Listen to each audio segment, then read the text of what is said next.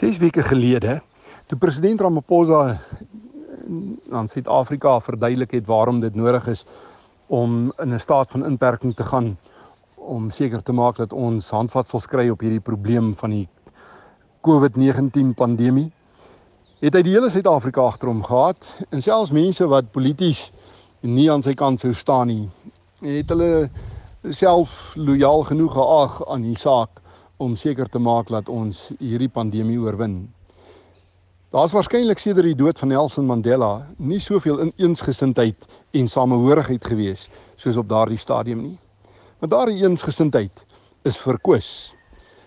Toe daar met allerlei onsinnige regulasies wat vir niemand enige logika aangehad het nie en wat baie duidelik niks te doen gehad het met die bekamping van die koronavirus nie.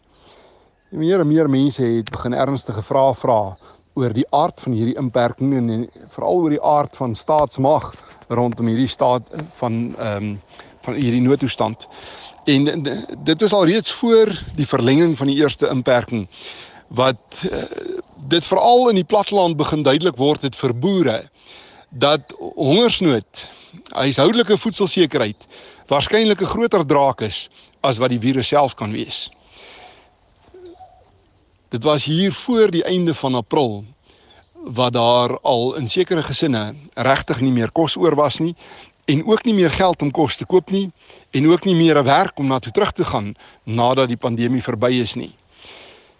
Kerke, welsynorganisasies en 'n hele sweterjoel ander nie regeringsstrukture, maar veral ook boereverenigings het besluit dat hulle gaan nie wag om te kyk wat die regering daaraan doen nie. Hulle gaan kyk of hulle nie dalk kos kan kry by die armste gesinne nie. En en dit het gebeur. Dit het reg oor ons land gebeur. Honderde duisende van hierdie kospakkies, surplus lemoene, avokado's, watse vrugte of groente of vleis ook al op die plaas beskikbaar was, het sy weg gevind na gesinne toe waar kinders begin huil het van die honger. En boere het nooit gevra wat is die politieke affiliasie? Wat is die kleur van daardie gesin? Van watter ras of watter geloofsgroep hulle is nie? Want hongerte ken nie daai soort van diskriminasie nie. Verseker het ons in die netwerk vir gesinsboere saai nooit daai tipe van vrae gevra nie. Ons het versamel waar daar surplusse was en na die punte gevat waarvan ons geweet het waar die honger regtig druk. So toe die regering hier oor die naweek kom met 'n verklaring op verskeie vlakke, sekere munisipaliteite, sekere provinsies, selfs van ons nasionale leiers wat gesê het die verspreiding van kos moet gesentraliseer word. Dit moet geneem word na pakhuise toe wat aan die staat behoort en dan sal die staat besluit waarheen dit moet gaan. Toe die frustrasie alreeds begin oorkook. Ek het dit in die rapport gelees en na gesprekke met heelwat van die boere wat vir ons mildelik bydra met kospakkies en ehm um, surplus produkte het ons besluit en saai ons gaan sê nee dit kan eenvoudig nie so aangaan nie. Daar is geen logiese rede waarom die staat moet besluit waar die nood die hoogste druk nie waarom die staat die hand moet wees wat dit uitdeel nie waarom die die absolute nood wat heers in arm gesinne nou eers verstik moet word in 'n bureaukratiese rompslomp om aansoek te doen vir 'n permit of dat daar moet gevra word vir permissie om voedsel uit te deel nie. En wat 'n soort demokrasie doen 'n mens dit?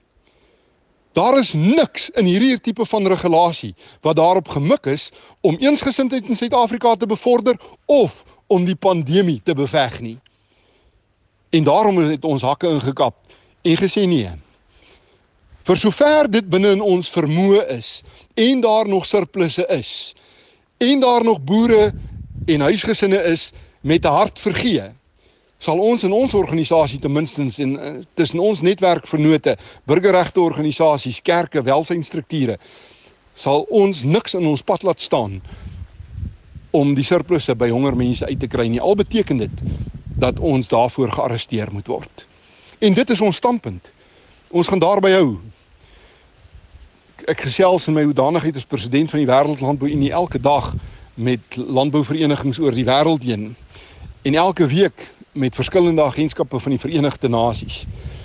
En wanneer dit dan opkom dat daar in Suid-Afrika in ons regeringskringe hierdie tipe van regulasies uitgevaardig word, hierdie tipe van reëls gemaak word, word die kop net in ongeloof geskit. En vra hulle vir ons, waarheen is julle land op pad? Wel wat ons aan betref, is ons land nie op die pad wat die die regering vandag dink hy op pad is nie. Ons is nie Zimbabwe nie. Ons het iets wat Zimbabwe nog nooit gehad het nie en dit is 'n voorbeeld op ons voorstoep van hoe dinge nie mag gebeur nie. En ons is nog heeltemal sterk genoeg in terme van burgerlike samelewingsstrukture, burgerregteorganisasies, landboustrukture, kerke om voet neer te sit en te sê ons wil nie op daardie pad gaan nie. En baie dankie aan die media wat ook nog vry is in Suid-Afrika en wat ooglopend ook gesien het wat begin fout gaan en ook van hulle kant af 'n streep in die sand getrek het. Daar's net een manier om dit te keer wat ons almal vermoed nou in Suid-Afrika gebeur. En dit is om tussen almal wat glo dat dit die verkeerde pad is, dat ons nie na sentrale gesag, staatsgesag kan neig nie. Ons almal hande vat. En hard en duidelik, hard genoeg vir almal om te hoor, hard genoeg vir al vir die ANC om te hoor. Kollektief sê nee. Nie hier by ons nie.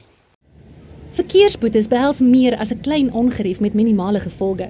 Jy kan 'n kriminele rekord kry of probleme teekom as jy jou rybewys of motorlisensie hernie en die metropolisie kan jou by padplakkades lastigval om die boetes te betaal.